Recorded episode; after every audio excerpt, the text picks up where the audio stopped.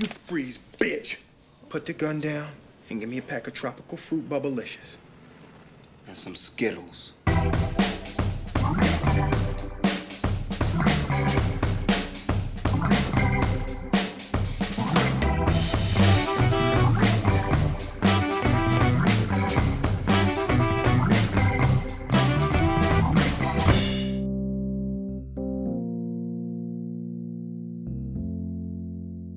Cześć, witajcie kochani. Witajcie w 24 już bonusie transkontynentalnego magazynu filmowego. Dzisiaj porozmawiamy o filmie dość nietypowym, można powiedzieć, jak na nasz podcast komedii kryminalnej Bad Boys for Life. A dlaczego nie jest to typowy film dla nas? Jak przejrzycie tak sobie na szybko nasze odcinki, czy to pełne, czy połówki, czy czy właśnie te bonusy 23 nawet, które do tej pory powstały, to no nie ma kina akcji zbytnio. Czasami się trafia, ale no, nie jesteśmy chyba zbytnimi fanami tego gatunku. Chociaż fajnie jest czasami się rozerwać, to jednak ciężko chyba nas zadowolić, czy trafić w nasze gusta w ostatnim czasie właśnie w tym gatunku. Bad Boys jest filmem wyjątkowym przede wszystkim dla mnie, dla tych, którzy nie są w ogóle wtajemniczeni w całą franczyzę. Jest to film, który już ma swoją trzecią odsłonę. Pierwszy był w 1995 hit pod tytułem właśnie Bad Boys i tyle, ze wschodzącymi gwiazdami, komikami, wtedy 27-letnim Willem Smithem i 30-letnim Martinem Lorenzem. No i ten film jest ze mną od dawna. Pierwsza część przypadła na czasy bycia nastolatkiem. Zresztą to samo u mnie oczywiście jak i udarka, tylko że u mnie lekko to obrosło takim kultem z racji tego, że paczka moja z podstawówki, chłopaki, z którymi się trzymałem wtedy, dla nas to było coś wyjątkowego. Film, który, no, oczywiście nie w 95, bo to nie wtedy wszedł do naszych kin, ale oczywiście jak pojawiły się zaraz po jakimś czasie pierwsze wydania na wideo, kasety, które wymieniało się na bazarach i w różnego tego typu placówkach, instytucjach. Ci, którzy wychowywali się w latach 90., to pewnie wiedzą o czym mówię. Ja właśnie byłem takim, można powiedzieć, molem filmowym, który to zaszczepiony został przez mamę i właśnie przynajmniej raz, dwa razy w tygodniu chodziliśmy na taki właśnie rynek, gdzie my zawsze kupowaliśmy dwie kasety i potem po prostu za pewną dopłatą wymieniało się te kasety na kolejne filmy. I tak samo oczywiście w pożyczalni wideo, która mieściła się w sklepie spożywczym u nas na dzielnicy. Tam pamiętam, był taki pan, który zawsze, jak mi widział z daleka, no mówimy o czasach, kiedy miałem 10, 12, 13 lat, to od razu wiedział, że coś dzisiaj musi dla mnie wymyślić, jakiś film. Dla mnie i dla mamy przeważnie, bo to, tak jak mówię, mama mi to zaszczepiła i razem gdzieś tam się wkręcaliśmy w ten klimat filmowy. Teraz mama trochę od tego odeszła. Ja tego bakcyla załapałem na tyle, że no jak to widzicie, czy słyszycie, po wielu, wielu latach, pewnie ponad 20, mam swój podcast, y, także gdzieś to ze mną y, siedzi cały czas. A właśnie jednym z tych pierwszych filmów, oczywiście nie mówiąc o już takich pierwszych, pierwszych, które to na wideo przywoził mój tata z zagranicznych wypadów, kontraktów, to były takie filmy jak Amerykański Ninja czy Samotny Wilk z Chuckiem Norrisem, a później właśnie pojawiły się tego typu filmy akcyjniaki jak właśnie Bad Boys. Mm, no taki lekki wstęp a propos tego, e, dlaczego o tym filmie. Przede wszystkim, jak się zaraz dowiecie, był powód, że jednak o tym filmie mówię, a nie przemilczałem tematu, bo wiadomo, że też trafiały się inne sequele czy prequele kultowych filmów w przeciągu ostatnich lat, ale no coś takiego jak Bad Boys to no, dla mnie, jako wielkiego fana tej już serii, franczyzy, można powiedzieć, chociaż jestem mocno przeciwnikiem takich tasiemców, można powiedzieć, lekko na siłę, ale jak się okazuje, tutaj chyba jednak nie jest to na siłę, to właśnie to ma miejsce takie ważne w moim sercu, życiu, właśnie duchu grupy, w której dorastałem. I co ciekawe, teraz po, po wielu, wielu latach udaliśmy się też razem z takim powiedzmy głównym trzonem tej naszej grupy. Z tych czasów podstawówki, ponad 20 lat temu, właśnie na ten film Bad Boys for Life, przy okazji mojej bardzo krótkiej wizyty w Polsce w zeszły weekend. I naprawdę było przednio zabawa niezła. To było już mój drugi raz, bo pierwszy raz oglądałem ten film jeszcze tydzień wcześniej w Holandii, tutaj w Niderlandach, chociaż nie wiem jak której nazwy używać, bo lokalsi mówią, że dla nich zawsze Holandia będzie Holandią, żadna ustawa, żadne prawo nie każe im mówić Niderlandy, no ale mniejsza z tym Bad Boys for Life, czyli tak jak powiedziałem, franczyza, która powstała w 1995 roku. Był to debiut, nie wiem czy można powiedzieć, mistrza gatunku kina akcji, na pewno typowego dla siebie. Potem chyba można powiedzieć stworzył gatunek Michael Obejowski, który no, miał i zagorzałych fanów, i zagorzałych przeciwników, ale w 1995 roku 30-letni Michael Bay nakręcił taki właśnie kumplowski film akcji Body Cup o, można powiedzieć, takim bromensie, jak to dzisiaj się ładnie mówi, gdzie głównymi bohaterami była para dwóch czarnoskórych policjantów w Miami, detektywów, którzy no, na tropie kolejnych przestępców mocno sobie dogryzali tak zwany związek lekko kota z psem, czy bardziej kto się lubi, ten się czubi. Przyjaźń taka mocno szorstka, oparta na dogryzaniu, na ciętym humorze, na takim byciu przekornym w stosunku do siebie, ale jednak wielkiej przyjaźni, która właśnie trwała już od jakiegoś czasu w tej pierwszej części między Markusem Barnettem, właśnie granym przez Lorenza, oraz Michael Lorayem, Willa Smitha. Lawrence jest 3 e, lata starszy od swojego kolegi wyższego, bardziej znanego i chyba takiego bardziej przebojowego, co też chyba ma odzwierciedlenie w postaciach, w które się wcielali. Potem był 2003 rok, więc dość sporo czasu, jak na hit, który w czasach chyba teraźniejszych miałby premierę dużo wcześniej, no ale dopiero minęło 8 lat, jak panowie się zeszli po raz kolejny i mieliśmy Bad Boys 2, a teraz dopiero po 17 latach, aż i 25 od pierwszej części, mamy do czynienia z trzecim filmem Bad Boys for Life. Myślę, że ciekawostką jest to, że w pierwszym filmie miał wystąpić zupełnie kto inny, no, według niektórych informacji, które znalazłem, między innymi na IMDb, które się nie potwierdzają w żadnych wywiadach, ale podobno główną parę miała tworzyć dwójka Eddie Murphy i Wesley Snipes. Chociaż tak jak mówię, nigdzie tego nie mogłem znaleźć, nigdzie żadnego potwierdzenia nie widziałem. To, co słyszałem z wywiadów od właśnie bohaterów faktycznej franczyzy, czyli Willa i Martina, to podobno najpierw parą głównych aktorów miała być inna dwójka w postaci Dany Kerveya i Johna Lowica. Pierwszy, jaką może nie kojarzycie, to doparowy, tak zwany Mike'a Myersa w filmie Świat Wayne'a z 1992 roku, a drugi to aktor i komik, który był dwa razy nominowany do Emmy za występy w Saturday Night Live, a także, można powiedzieć, taki mistrz komedii z drugiego planu.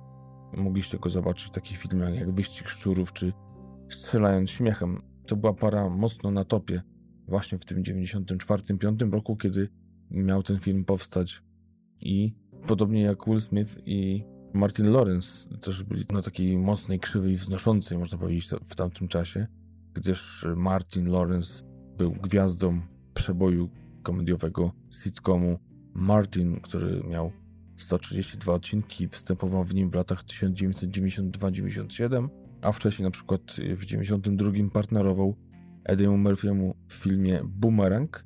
Jeszcze chyba potem taki film Nic do stracenia. Tak kariera, można powiedzieć, średnio się potem rozwijała e, Lorenza, ale 97 rok, kolejna komedia kryminalna z Timem Robinsem, a potem już, no niestety, Martin Lawrence popadł w ten taki styl chyba, można to dzisiaj nazwać najgorszego Ediego Murphy'ego, który występował w coraz to głupszych komediach, aż w końcu odszedł tak naprawdę z kina i ten film Bad Boys for Life to jest trochę takie jego wyjście, powrót z emerytury, trochę jak Joe Pesci, tylko wiadomo, inne kalibry, inny wiek.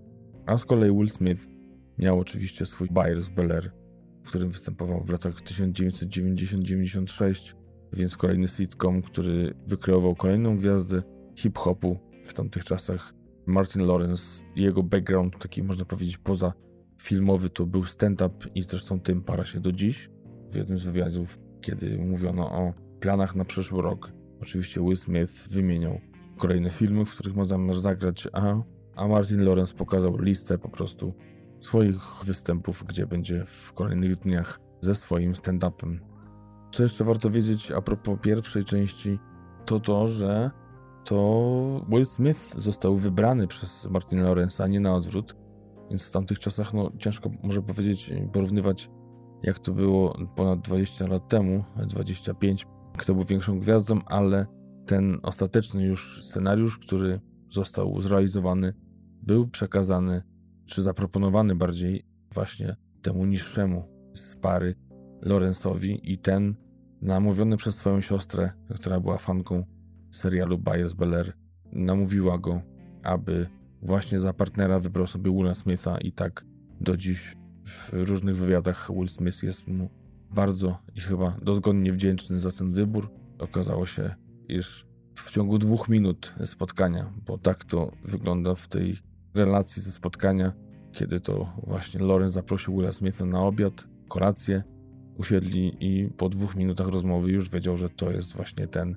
Ta chemia była już wtedy i jak zaraz wam powiem o tym, jak to było tym razem, to nic, a nic się nie zmieniło i trwa to do dziś.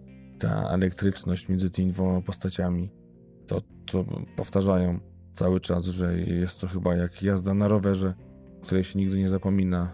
Po tylu latach weszli na plan i bach, magia wróciła, chemia wróciła i tak jakby w ogóle się nie rozchodzili.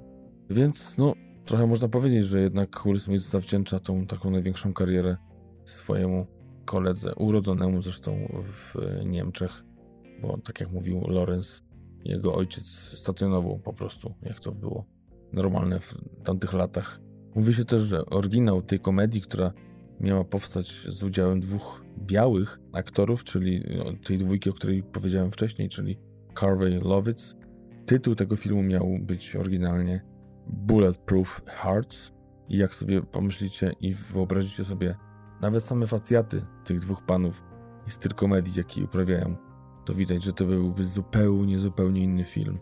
Także chyba nawet ciężko sobie wyobrazić, w którą stronę poszłoby i ta historia, i franczyza, czy w ogóle franczyza by się udała. Bo tak jak tutaj jeden wybrał drugiego, tak przy okazji tych dwóch panów, których wymieniłem przed chwilą, tutaj był konflikt terminów, byli dobrani z racji tego, że po prostu byli popularni, więc no, kto wie, czy by to szybko nie zagasło, jak większość takich podobnych komedii w latach 80. czy 90., które potem już mocno nie wychyliły się poza ten swój rok powstania i na pewno nie. E, chociaż no, ciężko gdybać, ale może nie doczekałoby się takiego kultu jak właśnie film Bad Boys. Jeśli chodzi o Willa Smitha, przytoczyłem kilka filmów Martina Lorenza i serial Willa Smitha. On też miał na koncie już kilka filmów, m.in. Made in America.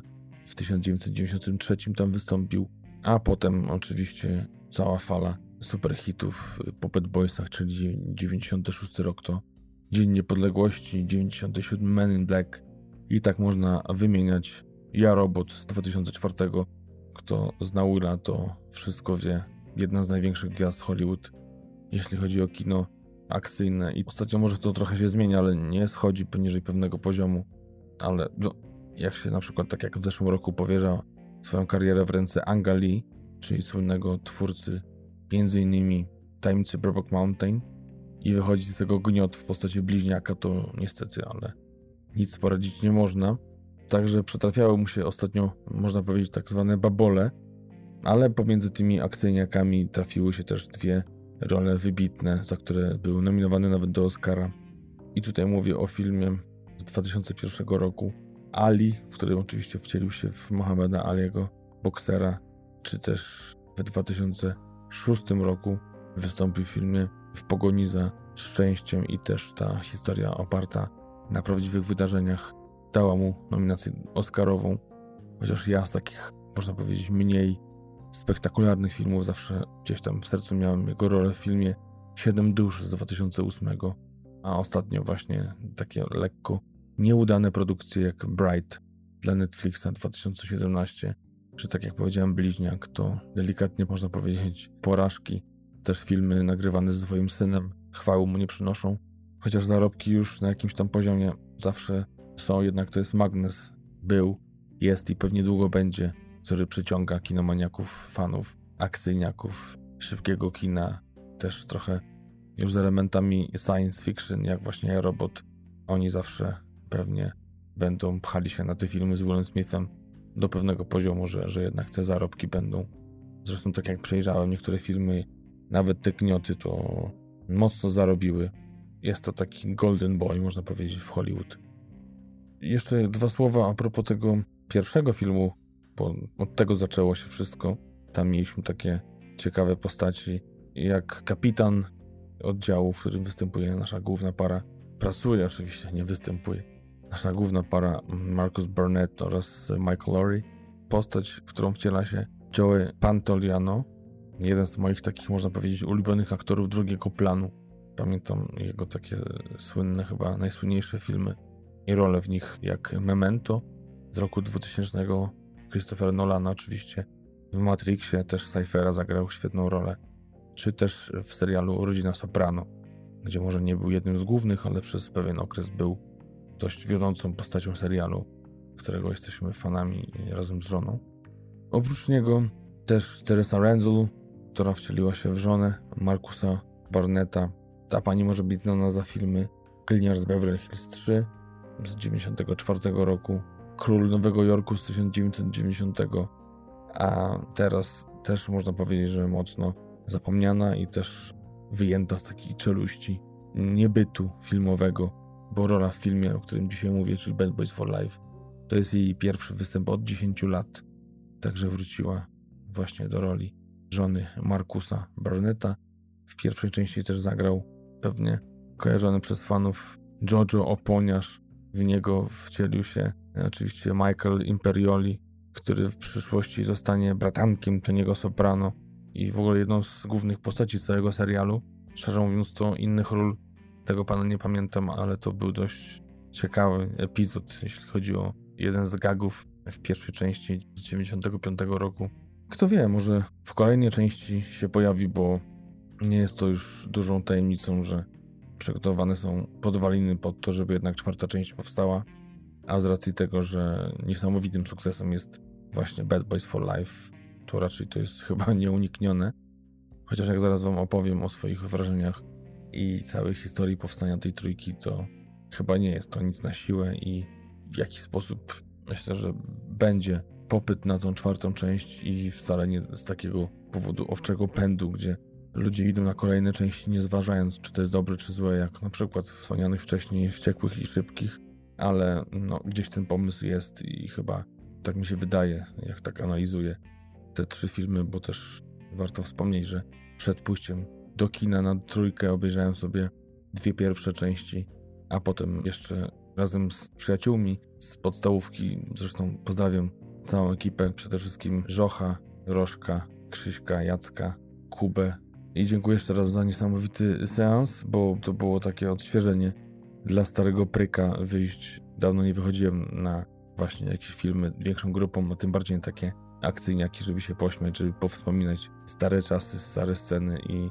sentymentalnie czasami się prawie rozpłakać, bo miałem takie wrażenie na początku filmu, że będzie to taka niesamowita podróż sentymentalna, że gdzieś tam uronię łzę, a może to się jednak ostatecznie tym nie zakończyło, ale były momenty, że było blisko, kiedy powracały różne postaci. No ale jeszcze dwa słowa może o początku tej franczyzy. Film kosztował Całkiem niewiele, chociaż no wiadomo nie te lata, ale 19 milionów budżet to naprawdę nie jest dużo, a box office przyniósł mu aż 141 milionów dolarów, więc wielki hit, dość nietypowa sprawa, że aż 8 lat czekano na, na to, żeby ponownie na tym zarobić. A film, jeśli chodzi o postaci, o scenariusz, to jest zasługą George'a Gallo, który wymyślił postaci, napisał główny ten plot pierwszej części i teraz przewija się w kolejnych częściach jako właśnie główny twórca tej całej historii, tego backgroundu, chociaż nie jest już autorem kolejnych scenariuszy. A możecie kojarzyć George Gallo za to, że napisał dość ciekawe filmy, komedie, jak na przykład Zdążyć przed północą z Robertem De Niro. Taki dość nietypowy w karierze De Niro film z 1988 oraz Ważniak Briana De Palmy z Danem DeVito, który powstał dwa lata wcześniej. I oczywiście dwa słowa o Michael Bayu. Tak jak powiedziałem, debiut to był fabularny tego pana. Wcześniej głównie teledyski, Tina Turner, Lionela Richiego czy też Meat Love, a potem już też wielkie hiciory, przeboje kinowe, przeboje box takie jak Twierdza w 96 oczywiście mocno dzielący chyba najbardziej widownie Armageddon z 1998, Transformers z 2007 i niestety kolejne ich niezliczone części, które coraz e, oczywiście gorszym echem się odbijały, ale dalej swoje zarabiały, więc trwało to i trwa. Teraz trochę się ta franczyza zmieniła i nie ma już Beya, ale długo, za długo to wszystko trwało.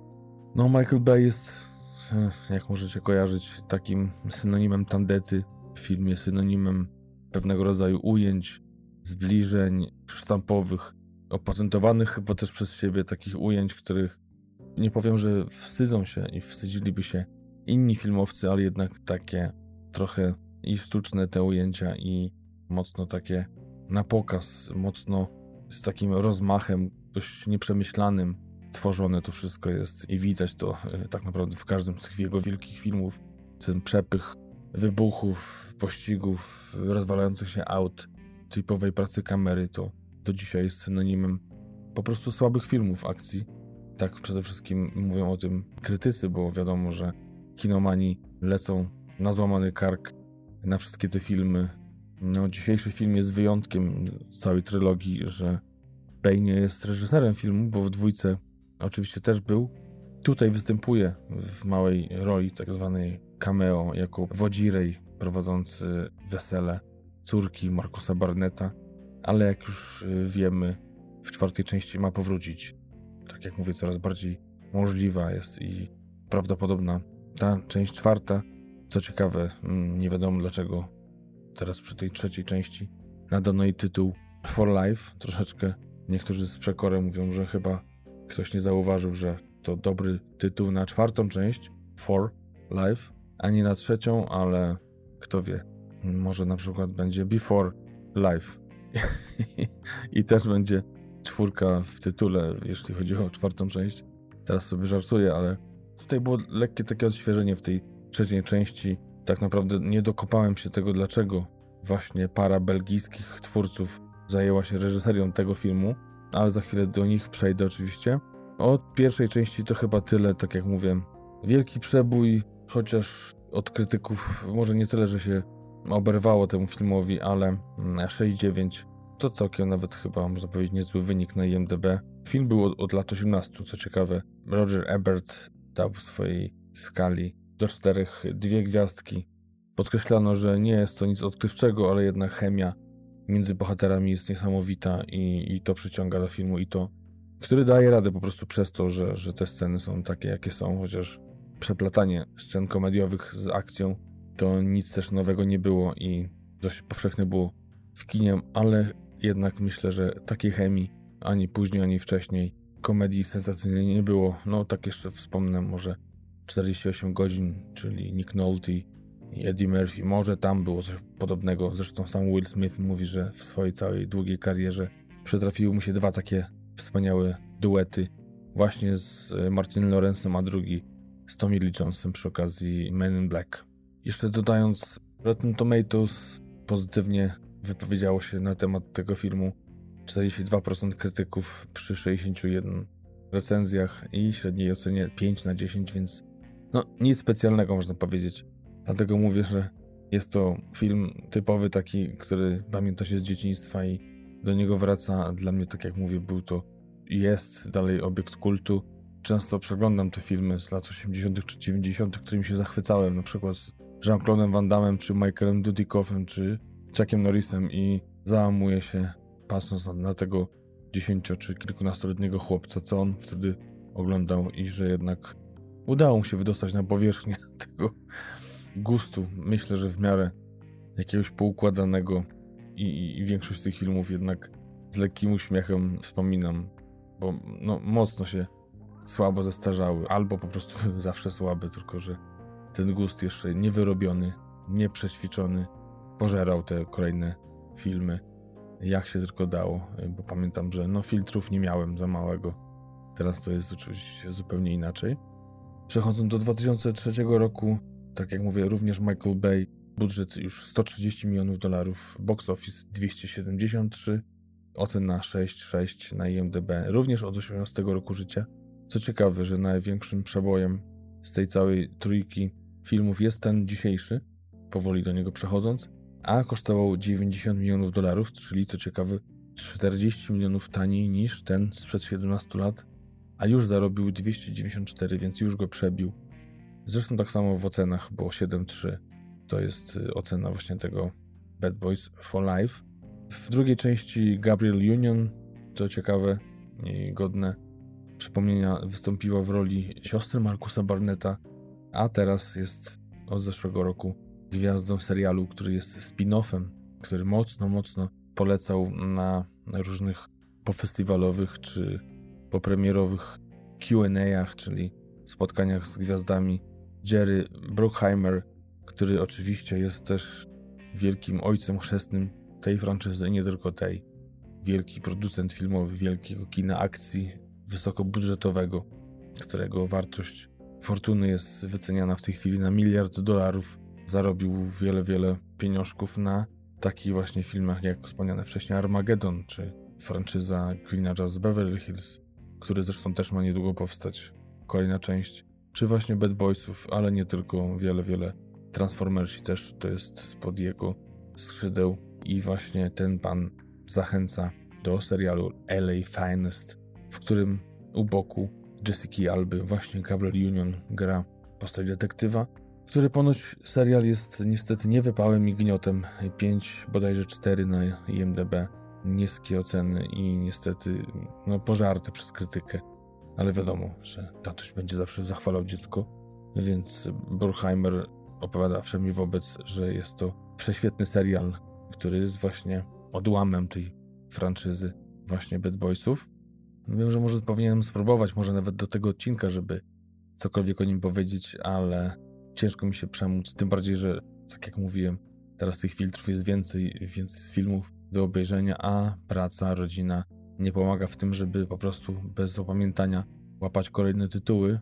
Może powinienem, no właśnie z racji bycia fanem i też admiracji dla urody Jessica Alby i też dla samej franczyzy, ale póki są godne obejrzenia i polecenia inne seriale, to jednak będę się trzymał tych bardziej mm, na poziomie przynajmniej i ważna rzecz, y, o tym nie powiedziałem w pierwszej części. Czeki Cario, turecki aktor, wychowany i zamieszkały we Francji, który jest jednym z ponoć najlepszych wilianów w latach 90. czy też 2000. w różnych franczyzach występował jako właśnie zły antagonista głównych bohaterów, między innymi w GoldenEye. Tutaj jest głównym właśnie przeciwnikiem naszych bohaterów. Możecie go kojarzyć z serialu The Missing, o którym mówiłem o drugim sezonie. Tutaj wciela się już w taką zupełnie inną postać policjanta, detektywa, ale wtedy to był top topów, jeśli chodzi o tych właśnie przestępców z dziwnym akcentem, którzy mieli nie wiadomo skąd ile pieniędzy i e, oczywiście żądali okupów, chcieli całego świata, narkotyków, pieniędzy i to była główna oś konfliktu w pierwszej części, a w drugiej części mamy kolejnego tytana, jeśli chodzi o wilanów w Hollywood, czyli Peter Stromare, urodzony w Szwecji, którego możecie kojarzyć z filmu Fargo, Big Lebowski czy Konstantin, gdzie wcielił się chyba w rolę największego możliwego wilana, czyli po prostu szatana. A innym smaczkiem tej części drugiej był też występ Michaela Shannona jako członka Ku Klux Klanu. Tak jak widzicie, za bardzo nie opowiadam o fabule, bo i pierwsza i druga część, no, można powiedzieć po prostu ściganie złych przez tych dobrych. Na Rotten Tomatoes druga część to 23%, więc tragedia. Pozytywów przy 179 recenzjach i ocenie średniej 4,1 na 10. Przez niektórych krytyków uznawany za najgorszy film roku, a także na festiwalu Stinkers Bad Movie Awards dostał nagrodę za najgorszy sequel.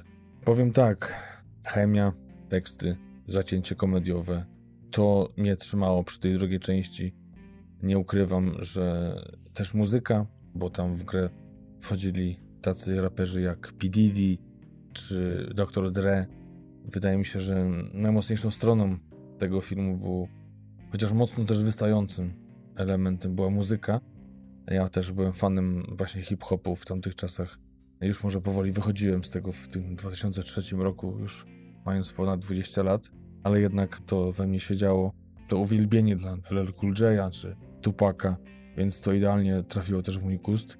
No, ciężko przyznać, że faktycznie fabularnie było jeszcze gorzej niż przy pierwszej części. Jeszcze głupszy ten antagonista, jeszcze mniej przemyślana fabuła, też efekciarstwo Michaela Beya dało sobie znać, ale scenariusz, może nie ten, jeśli chodzi o historię, ale te dialogi dalej były cięte, chociaż nie wszystkie może żarty trafione w punkt, to jednak moim zdaniem się dalej broniło. Zresztą tak jak mówię, 6 i 6 na IMDB to całkiem nie, niezła ocena tutaj. I to chyba tyle. Myślę, że podsumowując te dwie części, mocno stały dialogiem, mocno stały bardzo charakterystycznym montażem, przede wszystkim kultowa scena pościgu na moście. To mówię tutaj o drugiej części, gdzie rozwalono no, niezliczoną ilość aut i też, jak może pamiętacie, zatopiono łódź, co było mocnym rozczarowaniem kapitana naszej ekipy, bo też e, Joey Pantoliano wcielił się w rolę kapitana. Zresztą tak samo jak w tej trzeciej części, której to reżyserami jest, tak jak powiedziałem, belgijska para Adil El Arib oraz Bilal Falah. Panowie są no, lekko po 30, a na koncie mają taki film Black z 2015 roku. Jest to taka, można powiedzieć, międzyrasowa belgijska wersja Romeo i Julii Film, który oglądałem niedawno, trafił mi się, jak przeglądałem właśnie to, co stworzyli. Chciałem coś przed Bad Boysami zobaczyć, e, jaki mają styl. Oczywiście zupełnie co innego. Mały film, dziejący się na ulicach Brukseli, ale jednak ciekawy i, i nawet lekko, można powiedzieć, oryginalny. Chociaż, no, historia jako historia. Romeo i Julia, nic skomplikowanego. 2018 rok Gangsta, 2014 Image. I teraz, tak jak mówię, nie dokopałem się, chociaż oglądałem mnóstwo tych wywiadów z twórcami, dlaczego tak naprawdę do nich ten materiał trafił, dlaczego oni wyreżyserowali. Wiem, że są niesamowitymi fanami, może nawet większymi ode mnie, bo mówili o tym, że to po prostu był kult dla nich też. Obie te części podziwiali, podziwiają Willa Smitha i Martina Lorenza za całej kariery i teraz to jest ich spełnienie marzeń oczywiście. Zresztą sami główni aktorzy Lawrence i Will Smith podkreślali, że niesamowita przyjemność oglądać w pracy ludzi z pasją. No i ten film, który jednak ma jakieś tam zacięcie bycia takim Michaelo Bayowskim akcyjniaka szybkiego, opartego na mocnym tekście mocnej komedii, ale jednak jest taki lekki szlif indie, można powiedzieć, ten taki nieopierzony, który można powiedzieć, że dodał takie trochę inności do tej całej franczyzy. Zresztą sami reżyserzy mówili, że chcieli, żeby właśnie fani dostali coś w stylu właśnie Beja, ale jednak, żeby czuć taką inność, nowy powiew i wydaje mi się, że to się udało. Chociaż dalej to jest przeciętny akcyjniak, jeśli chodzi o samą akcję, chociaż tak jak powiedziałem, że na początku, że jednak ten antagonista naszych głównych bohaterów już jest inny, mocno upgrade'owany, zakorzeniony w historii naszych bohaterów, mądry, coś więcej mu przyświeca niż narkotyki i pieniądze, jeśli chodzi o motywację, o to, dlaczego robi tak, a nie inaczej, dlaczego zabija. Jest to organizacja przestępcza i tu trochę właśnie mi lekko przeszkadzało to w tym pierwszym sensie, jaki miałem w Hadze. Nie też oczywiście zaskoczyła mnie przerwa połowie filmu, tak jak na Islandii, jak może kiedyś pamiętacie. Po prostu leci film, w połowie jest napisane pauzę i można wyjść do toalety, uzupełnić kubełek popcornu i tego typu sprawy. i czeka się około 5-10 minut na wznowienie seansu. Tak miałem przy okazji Sicario 2 na Islandii, jak byłem. Minusem jest to, że jak były kwestie hiszpańskie, w języku hiszpańskim to było to tłumaczone jedynie na niderlandzki, a w Polsce, jak byłem, to było i po angielsku, i po polsku, więc bardziej otwarte nasze kina chyba są. Można wnioskować dla obcokrajowców, którzy częściej posługują się językiem angielskim niż hiszpańskim. Tego mi brakowało i tu, jak się okazało, przy drugim seansie kilka żartów i kilka, no, takich dość ważnych kwestii mi umknęło właśnie w tej wersji niderlandzkiej. Jeśli chodzi o scenariusz, to mamy tutaj Chrisa Bremnera, który jest debiutantem, Peter Craig, który ma brać udział w tworzeniu scenariusza do Gladiatora część druga, czy też do Top Guna teraz w procesie postprodukcji, a na koncie ma Miasto Złodziei, czy też Igrzyska Śmierci. Oprócz niego też Joe Carnahan, znany za takie produkcje jak Drużyna A, no dość mocno nisko-średni film. Też fanem byłem serialu Drużyna A, ale w 2010 roku niestety film się nie udał. To był, pamiętacie może, z Bradleyem Cooperem. Chociaż byłem w kinie, ale no, to mi się w ogóle nie podobało. Ale już taki film As w rękawie z 2006 to moim zdaniem bardzo ciekawa pozycja, czy też przetrwanie z Liam Neesonem z 2011 roku.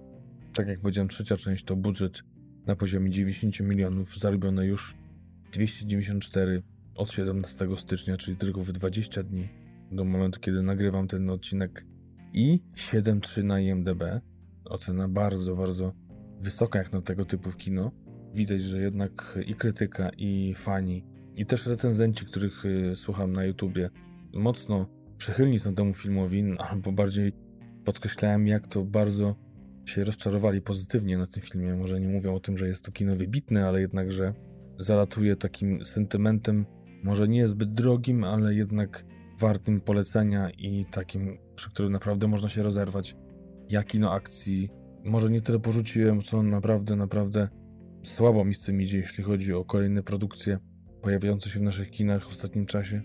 Jeśli chodzi o rozrywkę, to na noże, chociaż ciężko tu powiedzieć, że to jest jakiś akcyjniak, ale to jest coś takiego lżejszego, co w ostatnim czasie mocno przypadło mi do gustu, a poza tym długo, długo nic. Więc z jednej strony oczywiście ciężko mi mówić e, z racji sentymentu, w sensie obiektywnym, zresztą nie można być obiektywnym przy ocenianiu filmów, każdy ma swój gust, ale gdzieś tam staram się ten gust regulować i w miarę patrzeć na to, jak to postrzegane jest przez krytykę ogólną i, i też widzów, którzy głosują, jak to się mówi, nogami chodząc do kina, ale też i tą krytykę, która gdzieś tam na co dzień zajmuje się, można powiedzieć w cudzysłowie, kinem wyższym. Jednak y, nawet Roger Ebert dał 2,5 gwiazdki, gdzie, tak jak powiedziałem, przy pierwszej części dał dwie, przy drugiej dał półtora czy jedną nawet, a tutaj najwyższą. Wszyscy podkreślają, że zaskoczenie, bo też styczeń to nie jest dobry czas na wypuszczenie hiciorów. Jednak wypuszcza się wtedy filmy, które głównie mają po prostu sobie przeleżeć, lekko może niezauważone w tym okresie takim niskim i po prostu dać po tym miejsce największym przebojom letnim i jesiennym, a tutaj jednak zaskoczenie. Tak jak mówię, bardzo ciekawy antagonista, bardzo rozbudowane i zakorzenione. To wszystko jest w historii głównych bohaterów. Chemia, która jest między panami. Nie, nie lubię, nienawidzę już tego słowa, bo już tyle w wywiadach się o tym mówiło, ale to takie napięcie i, i sposób uprawiania komedii, kiedy raz Will Smith jest śmieszny i wtedy na kontrze jest poważny Martin Lawrence, a potem jest to oczywiście zamieniane jest w drugą stronę. Ten wektor skierowany i to przejście, ta płynność jest tak niesamowicie wyczuwana między tymi dwoma postaciami, że ta magia jest jeszcze większa. Tak jak mówią, po tylu latach weszli na plan pierwszy dzień i mówili od razu, to jest to, to jest coś, czego nie straciliśmy. Will Smith sam bał się, mówił w wywiadach, że, że może to już nie będzie to, może po tylu latach się nie uda, ale jednak to widać, czuć, to przebija się znowu przez całą tą historię. Ten ich bromans, można powiedzieć, oparty na naprawdę bardzo ciekawym i ciętym żarcie, ripostach, do tego zblendowany to z nową, młodą siłą w postaci sekcji AMO policji, która ma w swoich szeregach samych młodych ludzi i to połączenie tych starych, ponad 50-letnich bryków już no tak trzeba ich nazwać, i tych dwudziestoparolatków jest niesamowicie odświeżająca i bardzo ciekawa. W bardzo dobry sposób ograne te różnice, te niuanse między nimi. I teraz może dwa słowa w końcu o jakiejś fabule, bo tak jak mówię przy dwóch pierwszych częściach, ciężko coś odkrywczego powiedzieć niż jedno zdanie. Tutaj mamy już podstarzałych panów. Marcus Barnett właśnie został dziadkiem. A Will Smith, czyli Michael Lowry, dalej chce być kuloodpornym Mike'iem. Chce walczyć, tak jak mówi w jednej ze scen, do setki z przestępcami i tylko tym się zajmować w całym swoim życiu. To jest jego motyw przewodni, gdzieś pewnie przez pryzmat tego, że no nie ma tej rodziny i w pewnym sensie wybiera to. Właśnie to jest coś ciekawe, że w jaki sposób pogłębiono psychologicznie te postaci. Może nie jest to oczywiście cierpienie młodego Wertera czy rozterki Jokera, ale jednak widzimy, dlaczego postępują tak, a nie inaczej. Gdzieś tam przewijają się stare związki Willa, które też wpłynęły na, na jego postać, będącą właśnie takim typowym przykładem twardziela. I to, że postać Martina jest taka uduchowiona, udomowiona, to też w jednym z wywiadów mówi, że właśnie chyba z tej całej dwójki jego postać jest najbliższa temu, co prezentuje sobą i kim jest na co dzień, że właśnie jest takim mocno uduchowionym człowiekiem i takim wycieszonym mocno też rodzinnym, za co Will Smith mówi, że zupełnie postać Majka to jest jego alter ego, on też jest rodzinny. Postać taka, którą tutaj stworzył, to jest coś, co ma z tyłu głowy jako swoje marzenie. Jakby nie robił tego i nie był tym, kim jest dzisiaj, to by właśnie był takim super cleaną, no strings attached, jak to się mówi, czyli bez żadnych powiązań rodzinnych czy innych, po prostu z kwiatka na kwiatek, jeśli chodzi o romanse, z jednego przestępcy na drugiego, jeśli chodzi o sprawy. I tu mówi to takie jego marzenie, bycia kimś, kim tak naprawdę nie jest.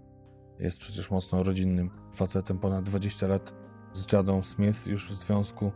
Ciężko powiedzieć, że jest takim Mike'em Larrym. Oczywiście mówię tutaj o prywatnej sytuacji Willa Smitha.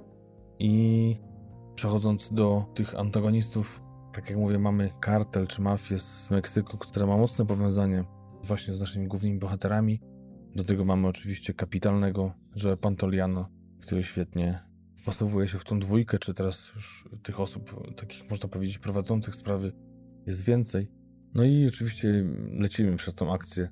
Jest to ponad dwie godziny, chyba z tego co kojarzę, i 10 minut, czy 20 nawet, filmu, który no, miał nie powstać, miał powstać. Trwało to wiele, wiele lat, zanim zebrano się. Do znudzenia już, jak oglądałem wywiady z Willem Smithem i Martinem Lorenzem, przewidział się temat i pytanie, dlaczego tak późno i za każdym razem Lorenz mówi, to jest jego wina, on chciał to, żeby było to make it right, jak to powiedział. I sam Will mówi, że jest na etapie kariery, że naprawdę nie zależy mu na pieniądzach, chociaż ostatnio podniecał się tym, że jego Aladdin, który jest mocno średnim filmem, zarobił ponad miliard dolarów i z tego powodu był dumny, bo to pierwszy film w jego karierze z takim osiągiem, także by the way, ale mówił o tym, że chciał świetną historię, chciał coś ciekawego, nie chciał po prostu zrobić sequelu, bo wszyscy robią sequele, tylko chciał poczuć to, że to jest historia na miarę właśnie tych bohaterów stworzonych w tych dwóch częściach i żeby ten background ich też gdzieś przebijał się w tej całej historii i trafił się w końcu film, bo o całej części trzeciej mówiono już od 2008 roku tak naprawdę. Tworzono scenariusze, potem dziękowano scenarzystom za współpracę. Michael Bay oczywiście był i pewnie będzie zawsze związany z tą serią. W 2008 roku też mówiono o tym, że miał powstać, no teraz tak jak mówię, z perspektywy czasu Will Smith mówi, że chodziło o historię, a jak cofniemy się do informacji z 2008 roku, to ponoć i on, i Michael Bay chcieli najwyższe garze z całego przemysłu filmowego za tą trójkę, więc w ogóle odpadało to w przedbiegach, jeśli chodzi o realizację w tamtym czasie. Potem w 2009 Peter Craig był obwiniony w cudzysłowie za to, że weźmie się za skrypt trzecich Bad Boysów. Potem w 2011 Martin Lawrence w jednym z wywiadów mówił, że film już jest w fazie przygotowania. Potem to znowu upadło. Zresztą sam Lawrence mówił, że Mike właśnie wracał i też scenarzyści do niego przez lata, że o, mamy już materiał, mamy już scenariusz, Na co Lawrence powiedział, ok, to dzwońcie jak będziecie mieli szczegóły i dwa lata się nie odzywano na przykład. Potem znowu dzwoniono, że coś jest na rzeczy, a potem znowu odwoływano plany. I tak to było nawet w 2015 już, już miał być inny reżyser, Joe Carnahan, który też miał napisać scenariusz dwa miesiące później. Ogłoszono nawet, że w 2017 konkretną datę podano. 17 luty 2017 to miała być trzecia część, a trzeci lipiec 2019 czwarta. A potem oczywiście w 2016 przesunięto wszystko i potem znowu to upadło. I dopiero w 2017 roku tak naprawdę w marcu, kiedy odszedł już na dobre właśnie wspomniany Carnahan, ustalono, że ten film w ogóle nie powstanie, a w lutym 2018 znowu wróciły plany i właśnie już z panami Adil i Bilal, czyli wspomnianą parą belgijską, oraz Martin Lorenzem, Willem Smithem i Joey Pantoliano ogłoszono, że film powstanie i zdjęcia rozpoczną się na początku 2019 roku. I tak to się w końcu ostatecznie stało. Tutaj oprócz pary głównych aktorów mamy taką ekipę jak Kate de Castillo oraz Paula Nunes. Obie występowały razem i występują w serialu Królowa Południa z roku 2011. Pierwsza to jest antagonistka, druga to jest protagonistka. Była dziewczyna, była sympatia Willa Smitha, która też jest głównodowodzącą właśnie nowej siły policji, z którą ostatecznie współpracuje para naszych śmieszków, można powiedzieć. Do tej grupy należy Vanessa Hudgens, tą panią możecie kojarzyć z filmu Spring Breakers z 2012 roku, czy też Piękna i Bestia. Potem gwiazda serialu Wikingowie Aleksander Ludwig, który wciela się tam w postać Bjorna Ludbroka. To też jest jedna z głównych postaci tej właśnie drużyny powstałej, aby zwalczać kartele narkotykowe i mafię oraz Charles Melton, najbardziej chyba znany z serialu Riverdale z roku 2017. Tu też warto wspomnieć, że jednym z przebojów, który chyba przebija wszystkie przeboje do tej pory, jeśli chodzi o całą franczyzę, to jest piosenka Rhythm is Dancer, czyli przeróbka starego hiciora.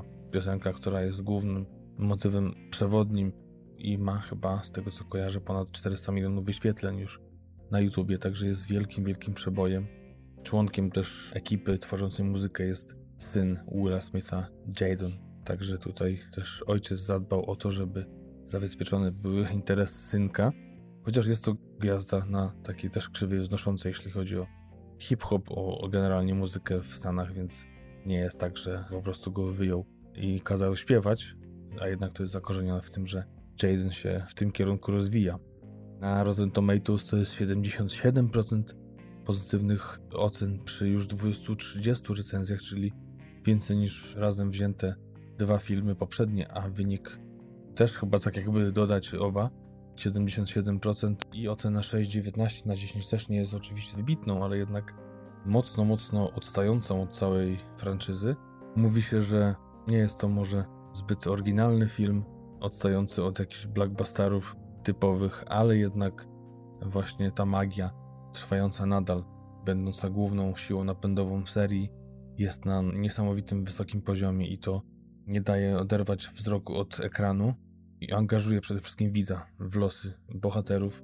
Można powiedzieć, że też, tak jak reżyserzy mówili, że te sceny akcji chciano stworzyć w taki sposób, żeby angażować emocjonalnie w to, co dzieje się z bohaterem, żeby jednak kibicować i trochę też się o niego bać. Więc tak czasami było, że na, na granicy ryzyka gdzieś stawiali bohaterów i faktycznie są takie ujęcia i sceny, gdzie można naprawdę się wystraszyć o to, co się będzie działo z naszymi bohaterami, czego zupełnie nie było w poprzednich częściach. Więc to jest takim elementem pozytywnym, jeśli chodzi o właśnie tą trzecią część. Jak to też jeden z recenzentów powiedział, że Bad Boys for Life wcale nie ma na celu podnieść poprzeczki gdzieś w swoim gatunku, ani przepisać na nowo zbioru zasad takich właśnie przebojów, ale kiedy Martin Lawrence i Will Smith ponownie odwiedzają relacje swoje, to jednak widać, że jest sens istnienia tej właśnie pary w krajobrazie hollywoodzkim i na pewno zawsze będą odbiorcy tego typu relacji, humoru i typu bohaterów, typu kreacji, które tworzą i niesamowitego klimatu, który się wytwarza między nimi. Już na etapie pierwszych wywiadów po i przedpremierowych pojawiało się zapowiedzi czwartej części, więc to jest chyba już nieodzowne i jednak bardziej niż prawdopodobne, że jednak czwarta część powstanie. Mówi się też, że Chris Bremer ma właśnie napisać scenariusz do tego czwartego filmu, który, tak jak powiedziałem na początku, ma wyreżyserować ponownie Michael Bay, więc zobaczymy, jak to się uda. Może odrobi lekcję i weźmie coś z tych pozytywnych reakcji fanów, którzy tak mocno wychwalają ten film za to, że jest inny niż te bejowskie, że jednak tą dumę i ego swoje gdzieś tam zamknie i posłucha fanów, żeby jednak zmienić lekko styl, że to jednak działa i ma pozytywny wpływ na cały odbiór filmu. Ale tak jak mówię, no oczywiście nie ma tutaj mowy o tym, że jest to film bez wad, że jest to dzieło wybitne, genialne, ma swoje minusy. Właśnie taka, wymyśliłem nawet sobie słowo na to, taka typowatość podobnych historii. Było sporo, ta jednak wydaje się lekko lepiej opowiedziana. Czasami decyzje bohaterów wydają się mało logiczne, jakby nieprzemyślane, jakby brakowało podprowadzenia do zmiany zdania czy poglądu, postępowania głównych bohaterów, co czasami, tak jak mówię, burzy taką jednolitość całego obrazu. Piękne zdjęcia, ale wydają się, że jednak chyba podkręcone trochę się wydaje, jak ogląda się to Miami, że jest zrobione Samsungiem. Zawsze mam problem z tym, że jak robię zdjęcia telefonem tej marki, to wydaje mi się one za ładne i nie odzwierciedlają tego, co naprawdę widzę. To oczywiście jest jakąś tam pożywką dla oczu, ale jak się o tym głębiej pomyśli, to trochę to zbyt cukierkowate jest. Chociaż na pewno, tak jak mówię, przyjemne dla oka. Nie wszystkie żarty na pewno trafiały w punkt. Były takie niektóre niesmaczne, chociaż najbardziej chyba niesmaczny to rozbawi mnie praktycznie do łez. Więc no to też zależy, jak jest co podane. Były takie teksty, które były naprawdę aż zgrzytało między zębami, jak się słuchało takich sztampowych wypowiedzi bohaterów, trochę wydawałoby się nieprzystających do panów z takim doświadczeniem i z takim obyciem. No bo mamy oczywiście z tyłu głowy to, że są to 50-parolatkowie, którzy swoje przeżyli, którzy już zmądrzeli. Zresztą sami mówią, że też wydaje mi się, że mają więcej środków do tego, żeby pokazać tą historię po swojemu niż te 25 czy 17 lat temu. Czasami zdarzały się typowe błędy dla kina akcji, jakieś ogromne wybuchy, z których tak naprawdę nie powinno się wyjść. Też jakieś pościgi, które są momentami dość nieprawdopodobne. Akcje i reakcje bohaterów i antagonistów też lekko, można powiedzieć, z tyłka, żeby nie przekląć tutaj dziury w samej historii, sztampowe, tak jak mówię, dialogi, klisze. To chyba najbardziej mi wystawało z tego filmu. Jakieś ujęcia, najazd kamery za bohaterem, który się ustawia jak w takim szkolnym przedstawieniu do linijki i kamera najeżdża, potem odjeżdża, pokazując niesamowitą głębię krajobrazu, niesamowite widoki Miami, a panowie, no tak trochę sztucznie, nawet nie trochę, a bardzo sztucznie, po prostu wyglądają w tych ujęciach. Też zbyt baletowe, sceny walki, wydawałoby się, które też trochę zaburzają ten strumień naturalności, chociaż akurat tego jest mało i ciężko się do tego, to, żeby się bardzo przyczepić, to już tak mówię, żeby nie było, że tylko wychwalam, jestem fanem ślepym takich części, tak jak mówię, to nie jest moje kino tak naprawdę na co dzień, więc ten film jest dla mnie mocno wyjątkowy. Co za, jeżeli chodzi o plusy, to tak jak powiedziałem, to nowe podejście reżyserów z Belgii. Wydaje się, że odrobiona lekcja, to posklejanie swojego stylu z tym Michaelem Bayem i z jego, bo na pewno jego duch wisiał, zresztą tak jak mówię, dalej jest y, przy produkcji, zagrał małą rulkę i przy czwartej ma się pojawić jako reżyser, więc na pewno tutaj też gdzieś tam brał udział, przynajmniej w konsultacjach zapewne. No ta cała magia między dwoma panami niesamowita. Panowie w pewnym momencie mówią, zresztą to jest też w zwiastunie, że to jest nasz ostatni raz no ale ponoć tak samo mówił ostatnio John Rambo, ostatnia krew i też ma się ponoć pojawić kolejna. Kto wie, kto wie.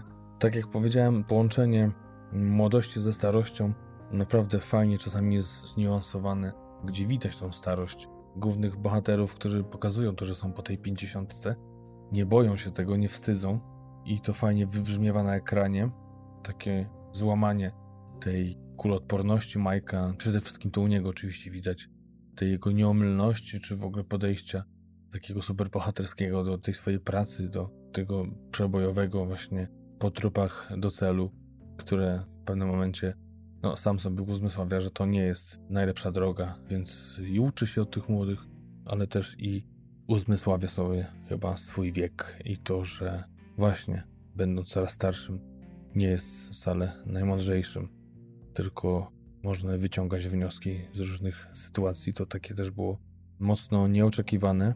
Kapitalny kapitan, oczywiście Pantoliano, genialna rola kolejna. Zresztą on chyba nie potrafi źle grać, więc tutaj też wygrywa te swoje, no, 5 minut w cudzysłowie na niesamowitym poziomie, jak zresztą zawsze to robi. Wydaje się, że pod prąd idzie tutaj, jeśli chodzi o swoją rolę Will Smith, bo mocno przeklina, jest taki wulgarny. Odstaje to od takiego wizerunku jego w takich filmach, jak na przykład te filmy, które przyniosły mu nominacje Oscarowe, czy Ja Robot, Dzień Niepodległości, taki nieskazitelny bohater walczący ze złem, walczący z no, kosmitami czasami też, ale taki lekko dystyngowany, wydawałoby się, na pewno nie przeklinający, a tutaj trochę odstający od tego swojego emploi na co dzień, bo oczywiście znamy to właśnie z tej franczyzy Bad Boysów, ale to, tak jak mówię, dopiero trzecia część w ciągu 25 lat, więc dużo, dużo, dużo przelało się na jego konto przy okazji innych ról, na przykład ostatnio Alladyna, więc ma taką domieszkę takiego kina, może nie tyle indie, co brudnego, idącego pod prąd i to wszystko gra, to wszystko nadaje tylko realizmu tym postaciom. I tyle chyba, kochani. Dużo się nagadałem o tych poprzednich częściach, trochę może mniej o tej ostatniej, ale ja muszę przyznać, że niesamowicie się bawiłem na tej części, na nasze 15. Myślę, że dam 12. Jako fan dałbym 15, ale będąc też coraz starszym fanem, ale też coraz starszym kinomanem, wiem, że przez pryzmat jakiejś tam obiektywności, którą zawsze staram się znaleźć, muszę tych parę punkcików odjąć, ale to chyba, jak to niektórzy powiedzieli, jest po prostu synonimem kina akcji, że nie może być zbyt głęboko, nie może być zbyt mądrze, bo nie o to chodzi. Chodzi o zabawę, chodzi o żart, chodzi o psikusa, chodzi o jakieś jednak wybuchy, strzelaniny. I po to ludzie idą na taki film do kina. Ja teraz, tak jak mówię, żądam nawet już czegoś więcej, ale tutaj, no, bawiłem się przednio. Pierwszy raz było fajnie, ale już jak poszedłem ze swoją starą ekipą, jeszcze wypiliśmy po piwku, czy po dwa nawet, a niektórym nawet udało się do kina wnieść co nieco, to ta zabawa była jeszcze lepsza przednia i naprawdę miło spędzony wieczór w gronie niesamowitych przyjaciół, których mam szczęście mieć do dziś już od ponad 20 lat, ale ten klimat też łączy, także jeśli jesteście fanami tej franczyzy i w ogóle tego typu kina, bo to nawet działa, myślę, jako film no, niezwiązany z niczym innym, to myślę, że jednak warto i ciężko mi tu nie polecić komukolwiek. Po prostu lubicie kino akcji, lubicie żarty, lubicie Ula Smitha, lubicie domieszkę belgijskiej czekolady i belgijskich frytek w sosie słodko-kwaśnym, to to jest coś dla was. Zapraszam do kin na zapoznanie się też z tymi pierwszymi dwiema częściami. Myślę, że też będzie niezła zabawa. Jak wsiąkniecie i wciągniecie się w te postaci, to warto się cofnąć. Ja zrobiłem sobie taką naturalną kolejność tym razem, czyli obejrzałem pierwszą część, drugą, potem poszedłem do kina, ale myślę, że odwrotnie też zadziała. Także wybierajcie się do kina, bo zabawa przednia. Dziękuję za wysłuchanie do końca. Zapraszam na kolejne odcinki na naszą stronę www.tmfpodcast.com na Facebooku, na Instagramie. To jest TMF Podcast pisane razem na Twitterze. TMF podkreśnik dolny podcast. Oczywiście wszelkie aplikacje podcastowe, Spotify, Lekton, YouTube też dla tych mało podcastowych słuchaczy. Tam też trafiają nasze odcinki, także zapraszam i dziękuję jeszcze raz za dziś. Trzymajcie się. Do usłyszenia kolejnym razem. Bad Boys for Life.